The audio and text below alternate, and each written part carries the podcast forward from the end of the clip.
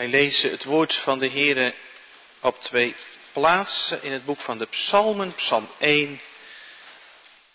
En we lezen ook een aantal versen uit de Bergreden in Matthäus 7. Psalm 1 en Matthäus 7. In Psalm 1 klinkt het woord van de Heere als volgt. Welzalig de man die niet wandelt in de raad van de goddelozen, die niet staat op de weg van de zondaars, die niet zit op de zetel van de spotters, maar die zijn vreugde vindt in de wet van de Heere en zijn wet dag en nacht overdenkt. Want hij zal zijn als een boom geplant aan waterbeken die zijn vrucht geeft op zijn tijd, waarvan het blad niet afvalt. Al wat hij doet zal goed gelukken. Maar zo zijn de goddelozen niet. Die zijn juist als het kaf dat de wind wegblaast. Daarom blijven de goddelozen niet staande in het gericht, de zondaars niet in de gemeenschap van de rechtvaardigen.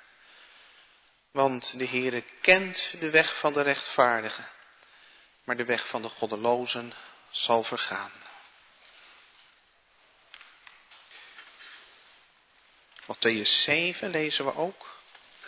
Het slot van de bergreden, vers 24 tot 29. Matthäus 7, vers 24. Daarom, zegt de Heer Jezus, ieder die deze woorden van mij hoort en ze doet, die zal ik vergelijken met een verstandig man die zijn huis op de rots gebouwd heeft. En de slagregen viel neer en de waterstromen kwamen en de wind waaide en stortte zich op dat huis, maar het stortte niet in, want het was op de rots gefundeerd. En ieder die deze woorden van mij hoort en ze niet doet, zal met een dwaze man vergeleken worden die zijn huis op het zand gebouwd heeft. En de slagregen viel neer en de waterstromen kwamen en de winden waaiden en sloegen tegen dat huis. En het stortte in en zijn val was groot.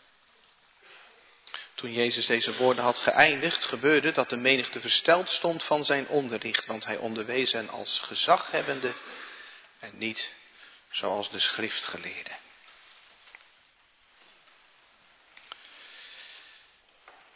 We horen het woord van de Heere vanmorgen vanuit Psalm 1.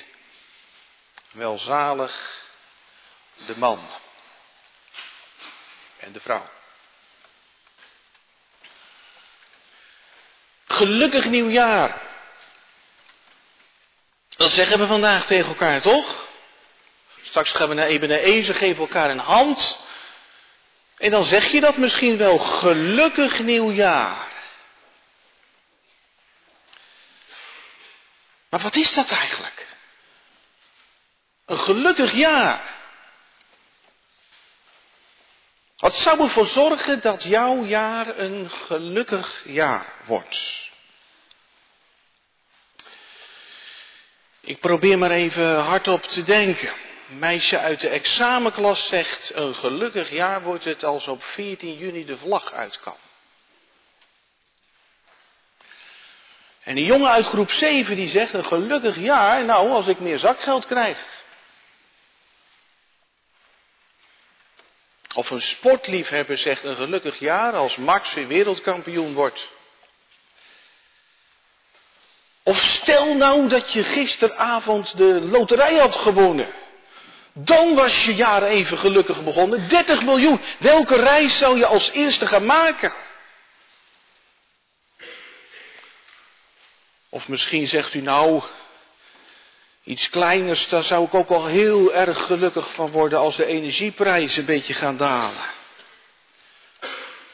Of je bent ziek en je ondergaat behandelingen en je zegt, een gelukkig jaar als de behandelingen aanslaan. Of je werd vorig jaar gepest en je zegt een gelukkig jaar als ik dit jaar een echte vriend, een echte vriendin krijg. Die mij ziet. En het toch voor mij wil zijn. Gelukkig nieuwjaar, ja. Als we dat tegen elkaar zeggen, dat heeft iets van, nou ja, vul het zelf maar in. Wat jij onder gelukkig verstaat. Psalm 1 vult het voor ons in. Wat geluk is. Geluk is leven met de Bijbel. Wil jij een gelukkig jaar? Dan is deze preek voor jou. Psalm 1 is de poort van het psalmboek. Psalm 150, de laatste, is een groot uitroepteken achter eh, het psalmboek. Laat alles wat adem heeft de Heere loven. Maar vandaag is de poort van een nieuw jaar. En daarom deze poortpsalm. De poort naar het hele psalmboek waarin het gaat over leven met God. En dat is ook het thema van deze psalm. Leven met God. Het is een psalm vol tegenstellingen. Dat had u al in de gaten, want we hebben ook gelezen uit de bergreden. Waarin de Heer Jezus het heeft over die twee manieren van leven. Een brede en een smalle weg. Een wijze en een dwaze bouwer. Nou, dat zit ook in Psalm 1. Welk spoor ga jij, gaat u dit jaar volgen? Thema voor de preek. Gelukkig nieuwjaar. En dan drie uh, dingen. Eerst, wat is de bron van je leven? Daarover gaat het in vers 1 en 2. En dan, wat is de baat, het nut van je leven? Wat levert het op? Daarover gaat het in vers 3 en 4. En als derde, wat is de bestemming van je leven? Daarover gaat het in vers 5 en 6. Gelukkig nieuwjaar. We hebben het over de bron, de baat en de bestemming van je leven. Gelukkig is de man en ook de vrouw. En dan zegt de psalm eerst dat dat geluk ook meebrengt dat je breekt met een slechte manier van leven.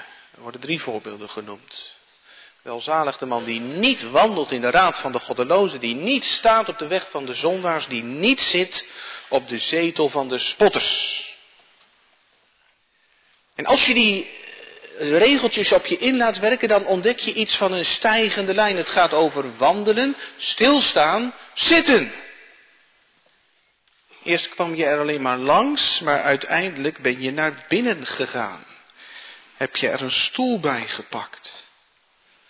En die opklimming, die kom je ook tegen in die aanduidingen voor mensen die worden gebruikt. Goddelozen, dat zijn mensen die in hun hart God niet als werkelijkheid herkennen. De dwaas zegt in zijn hart, er is geen God. Bepaalt zelf je normen en je waarden. En de zondaar, dat is iemand die ook in het praktische leven de geboden van de Heer loslaat.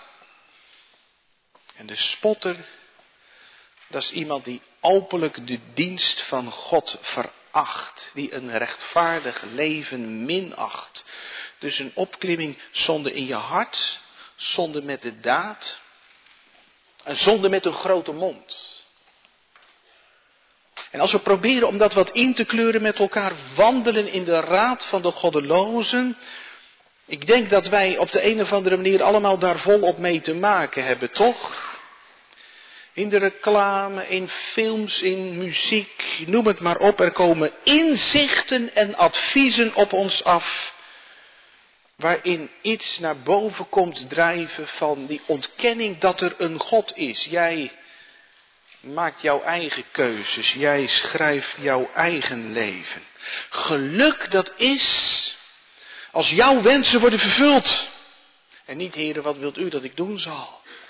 Er is geen God, er is geen objectieve waarheid, er is niet een norm buiten ons. Doe wat jij wilt. Het is jouw leven, het zijn jouw longen, het is jouw lijf, het is jouw tijd, het is jouw geld, het is jouw mening.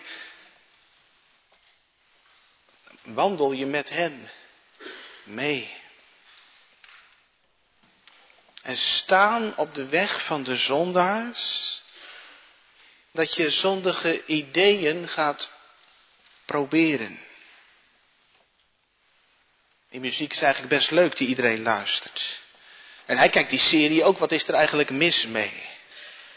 Deze website, zou die nou echt zo slecht voor je zijn? Ja, mijn ouders hebben er vast problemen mee. Nou ja, ik klik hem wel weg als mijn moeder er aankomt. En je groeit eigenlijk weg bij de Bijbel. En nog een stapje verder. Zitten op de zetel van de spotter. Daar loopt het op uit. Openlijk tegen God ingaan. Geloof is ouderwets. En die bijbelse regels, die zijn toch niet meer van deze tijd. Kom op. Nou, dat is wat de Bijbel noemt de brede weg. En in vers 2 gaat het dan over de smalle weg. Over je vreugde vinden in de wet. Dat woordje wet, dat heeft bij ons een beetje een negatieve klank. Dat is eigenlijk jammer, want dat is in de Bijbel absoluut niet zo, hè? Het woord Torah. Dat is een heel positief woord, dat heeft iets van instructie, aanwijzing. Je zou misschien kunnen zeggen, daar zit iets in van tips, bruikbare tips. Stel je fiets naar school de Amersfoortse berg op. En je bent heel zwaar aan het trappen en iemand achter jou zegt, hé hey joh, ik zou mijn band maar eens oppompen. Dat is een bruikbare tip. Dan gaat het allemaal veel makkelijker. De Torah staat vol met goede aanwijzingen van de Here. Die zijn tot zegen. En dan gaat het niet alleen over de regeltjes van God, maar het gaat over alle woorden die de Heere heeft geopenbaard. De Torah van de Heere, de verbondsnaam staat daar. De Bijbel mag je lezen als een liefdesbrief. Nou, je kunt begrijpen als je liefdesbrief krijgt, ja wie stuurt er nog liefdesbrieven? Die lees je met vreugde. Dat heb ik vroeger wel gedaan met mijn Erika. Zat zij in Zuid-Frankrijk en ik in Zwitserland. 18 kantjes. En die lees je niet één keer. Maar die drink je in en je laat op je inwerken. Wat zegt ze eigenlijk? En zo leer je elkaar hoe langer hoe beter kennen. Hoe meer je met iemand praat. Hoe beter je jezelf en ook die ander leert kennen. Hoe meer je een band met elkaar krijgt. En zo is het met Bijbel lezen. Hoe meer je erin leest, hoe beter je de stem van de goede herder leert kennen. De schriften getuigen van Christus. Dat evangelie van ik voor u. Leest u graag in de Bijbel? Kunt u ook niet van de Bijbel afblijven? Op catechisatie hebben we een poosje terug een uh, stukje gelezen van Henk Binnendijk. En uh, ja, dat was best wel een beetje iets was, wat, wat, wat ons aan het denken zette. Want Henk Binnendijk die zegt ergens, als ik mag spreken voor groepen, dan doe ik tegenwoordig een klein onderzoekje. En dan zegt hij, ik vraag dan aan de mensen, wie van u neemt elke dag een kwartier om in de Bijbel te lezen? En hij zegt, hoe weinig armen dan de lucht ingaan, ik schrik elke keer weer. En dan zegt hij, wij noemen ons de bruid van Christus. Nou, je zult getrouwd zijn of een partner hebben die niet eens een kwartier per dag de tijd voor jou heeft. Hoe kan iemand christen zijn en weinig tot niks doen met het boek wat we hebben gekregen van God? En zegt Henk Binnendijk dan, en dan hoor ik mensen klagen over het geestelijk leven. Ik merk zo weinig van God. Vind je het raar? Hoe wil je God leren kennen als je niet eens de tijd neemt om zijn boek te lezen? Dat zet u misschien ook wel aan het denken. Hoe is dat toch mogelijk? Dat het veel makkelijker is om een mobiel te pakken dan mijn Bijbel. Misschien kunnen we inderdaad heel wat leren van de Joden. Die kennen een feest en dat heet Simchat Torah. Vreugde der wet betekent dat. Het wordt dit jaar gevierd op 7 en 8 oktober. Dan wordt uh, gevierd dat het volk van God de Torah bezit. En dan wordt in de synagoge het laatste stukje van de Torah gelezen. Want dan is de Torah uit en dan beginnen ze weer opnieuw. En dat is een vrolijk feest. Met muziek. Er wordt gedanst. Misschien heb je wel eens een filmpje gezien van hoe Joden, hoe orthodoxe Joden feest vieren. Dat gaat er uitbundig aan toe. Nou kun je je voorstellen dat wij net nadat we de tien geboden hadden gehoord, met elkaar een rijdans door de kerk hadden gemaakt. En dat we hadden gevierd, ook in 2023 heeft de Heer ons zijn goede geboden. Wat zijn wij gezegende mensen. Daar worden we vrolijk van. En zo geeft God ons zijn Torah wel. En vandaar dat er ook staat dat die gelukkige man van deze psalm de wet van God dag en nacht overdenkt. Dag en nacht. Niet even lezen. Het staat in het Hebreeuws een werkwoord en dat heeft iets in zich van murmelen, overpijnzen. Uh, u weet dat wellicht, hè, dat in de oudheid uh, hardop werd gelezen uit de Bijbel. Dat zie je bijvoorbeeld bij de Kamerling uit Ethiopië. Die is hardop aan het lezen uit die rol van Jezaja. En dan gaat het over dat lam dat ter slachting wordt geleid. En ja, hij is aan het proberen om het te vatten. Murmelen. Zo een beetje half hardop in jezelf praten. Ja, misschien wel een beetje net zoals je doet als je huiswerk aan het leren bent. Als je Duitse rijtjes aan het stampen bent. Deer, deze, deem, deen, die, deer, deer, die, das, deze, deem, das, die, deer, deen, die. En honderd keer achter elkaar. En door te murmelen maak je het je eigen en kun je toepassen als je in Duitsland op vakantie bent en je wilt een tasse café bestellen. Zo het woord van God overdenken, herkauwen, om het je eigen te maken. Om God en zijn wil te leren kennen. Dag en nacht. En die manier van leven, dag en nacht, die is in Nederland van ouds zichtbaar geworden in dat wij lezen bij de maaltijden aan het begin en aan het einde van de dag. Daar mogen we echt zuinig op zijn. Dat, dat, is, dat is Psalm 1, dag en nacht. De wet van de Heere. Overdenken, wees daar trouw in. Je de woorden van God te binnenbrengen, uit je hoofd leren, memoriseren. Dat doe je voor de zonderschool. Dat doe je voor school misschien ook. We hebben het als gezin ook een tijdje gedaan. En toen ik bezig was met de preek, toen dacht ik, hé, hey, dat moeten we maar weer eens op gaan pakken. Gewoon elke week een tekst uit je hoofd leren is verrijkend. Er zijn ook gemeentes waar uh, elke week een weektekst wordt geleerd. En, en, en zondags klinkt die op de preekstoel. Leven met het woord van God. Mooi als je dat al heel jong leert, hè? Misschien heb je wel een Bijbels uh, dagboekje gekregen voor dit nieuwe jaar. Gewoon elke dag ook voor jezelf de Bijbel open te doen en een stukje uitleg erbij om al heel jong de stem van de herder te leren kennen. Dan ben je een gelukkig mens. Dan ben je echt een gezegend mens. Maar het is dus wel helder in deze psalm. Er zijn twee wegen, er is niet een derde weg. Dat is ook iets wat wij denk ik elke keer moeten horen, want wij zijn wel mensen die graag dat uh, grijze vlak opzoeken. Hè?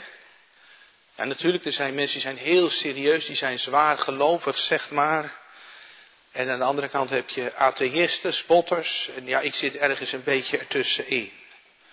Geloof is best wel belangrijk, maar ja, ik ben ook niet zoals die andere die er heel veel mee doet. En de Bijbel leert ons om van God uit naar ons leven te kijken. En dan zijn er echt maar twee smaken. Is je leven op God gericht of niet? Deze poortpsalm stelt ons de vraag, welke richting sla jij in in 2023? Wat is de bron van je leven? En wat is de baat? In vers 3 en 4 gaat het een stapje verder. Wat is het nut van die, van, die, van die twee wegen waar het in deze psalm over gaat. En dan komen er die twee beelden uit de landbouw naar voren. Die ons eigenlijk willen aansporen om de Bijbel te lezen. Ja, misschien hebben u die aansporing helemaal niet nodig. En toch is het goed voor ons allemaal om dat op ons in te laten werken. Een gelovige wordt vergeleken met een boom die vrucht draagt en de goddeloze Degene die zonder God zijn wordt vergeleken met het kaf dat wegwaait. Maar de gelovige is als een fruitboom geplant aan waterbeken. Nou ja, als een boom, als een fruitboom in de buurt van water staat, dan maakt het niet uit of dat het een keer een droge zomer is. Want die boom die wordt zonder onderbreking overvloedig van water voorzien. Die blijft groen en fris en die geeft vrucht. Nou, als je dagelijks put uit de Bijbel, uit de woorden van God, wordt je leven mooi en vruchtbaar. En de Heer Jezus is heel kritisch op mensen die zeggen, ik geloof, maar hun leven wordt niet anders. Dan zegt de Heer Jezus niet, ieder die tegen mij zegt, Heere, Heere, zal ingaan in het koninkrijk van God, maar die daar doet de wil van mijn Vader die in de hemelen is. Geloof dat je leven niet verandert is geen geloof. Ik kwam een keer een prachtig voorbeeld tegen. Iemand die in een flat woonde. Op de onderste verdieping. En de, iedere morgen lag er op zijn stoep een vuilniszak. Met troep. Van de bovenbuurman. Die uh, gooide dat zo van zijn balkon. Hoppa. Zou jij doen? Met die vuilniszak.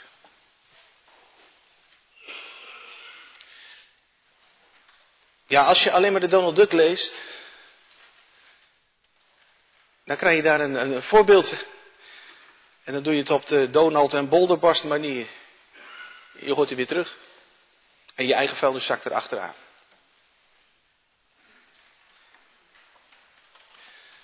Maar als je put uit de Bijbel, hoe zou het er dan uit kunnen zien? Die man op die onderste verdieping was christen. En zonder iets te zeggen ruimde hij keer op keer die vuilniszak op. Totdat zijn bovenbuurman op een keer vroeg, hé mafkees, waarom doe je dat? En toen ging het over Johannes 13. Weet u wel, dat hoofdstuk over de voetwassing. Maar de Heer Jezus zegt, ik heb u een voorbeeld nagelaten. Weg achter de meester aan. Als je put uit de Bijbel, dan wordt je leven mooi, vruchtbaar. Zou het geen verschil maken, bijvoorbeeld wat voor muziek je luistert? Hemel is Heer, Drink rode wijn, maak veel plezier, dans en haal met volle teugen alles uit de kast vandaag. En leef gewoon je leven. Of leer mij naar uw wil te handelen. Heeft het woord uw leven, jouw leven gevormd? De Torah, het woord van God, zou je kunnen vergelijken met de bijtel. En dan is de Heilige Geest de hamer die die bijtel hanteert. Om ons te vormen naar het beeld van de Heer Jezus Christus. Waardoor wordt nou jouw denken het meest beïnvloed? Door het denken om je heen, de wereld waarin we leven, of door de Bijbel. En dat zijn echt twee tegengestelde bewegingen. De wereld zegt, jij moet jouw verlangens bevestigen. Wat jij wilt is goed. En ga ervoor. En de Bijbel leert je om sommige van je verlangens te weerstaan. Gisteren ging het over Hebreeën 12 ook, hè, over tot bloedens toe tegen de zonde strijden. De wereld zegt, jouw identiteit ligt in jouw seksuele voorkeuren.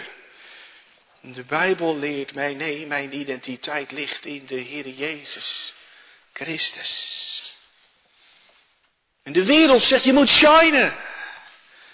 En de Bijbel leert mij, een discipel van de Heer Jezus Christus neemt elke dag zijn kruis op om achter de Heer Jezus aan te gaan. En daarom heb je die Bijbel keihard nodig als tegenwicht tegen alle geluiden in de wereld. Doe dat maar gewoon. S'morgens beginnen met je Bijbel. Dat woord van de Heere open. Ik kwam het mooie voorbeeld tegen op categorisatie van, van een muziekinstrument. zijn van die muziekinstrumenten, viool en zo. Die moet je even stemmen, anders is het geen gehoor. Als je eerst muziek gaat maken en dan je instrument gaat stemmen, dat heeft geen zin. Nou, s'morgens eerst afstemmen op de dingen van Gods koninkrijk. Tijd nemen om met God alleen te zijn. Het liefst voordat je je mobiel erbij pakt. Zodat God echt de eerste plek in je leven krijgt. God liefhebben boven alles. De Bijbel moet echt het allerbelangrijkste in je leven zijn. Alles wat hij doet, die man, die vrouw die zo leeft, dat zal goed gelukken, zegt de psalm. En dat betekent natuurlijk niet dat alles in je leven op rolletjes gaat, maar wel dat je leven niet zomaar voorbij waait. Dat je leven niet zomaar zinloos blijft. Paulus zit in Filippi in de gevangenis. Maar hij leeft uit het woord. En hij zingt de lof van God. En op een wonderlijke manier is hij ook in die gevangenis tot zegen. Ook daar zit hij niet zinloos. Hij draagt vrucht. En de Heer gebruikt die Bijbel om je te laten volharden in een wereld waarin je steeds minder terugvindt van de Heere God. Pas nog dat onderzoek, hè. Zes op de tien Nederlanders rekent zichzelf niet bij een kerk of bij een religieuze groepering. En je merkt het misschien in het leven van elke dag dat je bij een heel kleine minderheid hoort. Maar dan lees je in de Bijbel bijvoorbeeld over Noach. In zijn dagen één gezin. één gezin dat de Heer vreest. Maar weet je, aan het eind van de rit had heel de wereld Noach willen zijn. Geen één uitgezonderd. Had ik maar. Als je met dat woord leeft, wat een onuitsprekelijke troost. Omdat je ontdekt, God was en is en blijft dezelfde. En je voelt je begrepen door de psalmisten die hetzelfde of erger hebben meegemaakt dan wat jij in je leven ontmoet. Als een vruchtboom, groen, fris, zo je weg door het leven te mogen gaan, puttend uit het woord. De goddeloze, dus de keerzijde, die is als kaf. Nou, dat weet je vast wel, jongens en meisjes, wat kaf is. Als, als in Israël de oogst wordt binnengehaald, dan wordt het graan gedorst. Dan slaan ze op de graankorrels en dan laten die vliesjes om de graankorrels, die laten los, de schilletjes zeg maar, en het stro. En dan wordt dat, eh, dat graan wordt zo in de, in de lucht gegooid. En dan graag een beetje op een wat hogere plek. En de wind blaast dan zo al die schilletjes, die vliesjes weg. En die korrels die zwaarder zijn, die vallen weer op de grond terug. En dat kaf, dat, ja, dat, dat, dat, waait, ja, dat waait ergens heen. En ja, dat maakt niet uit, ook kun je toch niks mee. Als je een konijn hebt en je schilt een appel, dan zeg je, hé, hey, de schillen zijn voor mijn konijn. Maar kaf, daar kun je helemaal niks mee. Daar kun je niet eens de kachel mee aanmaken. Wat heeft je leven nou voor nut als je goddeloze bent, als je zonder God je weggaat? Ik denk even als voorbeeld aan die rijke man uit de gelijkenis. Hij leeft elke dag vrolijk en prachtig. Misschien had hij ook wel de loterij gewonnen. Maar wie heeft er wat aan zijn leven? Heeft hij God verheerlijkt? Heeft hij Lazarus gediend? sprak gisteren iemand die op de kerstconferentie van de AGB is geweest. Ik verslagje in de krant.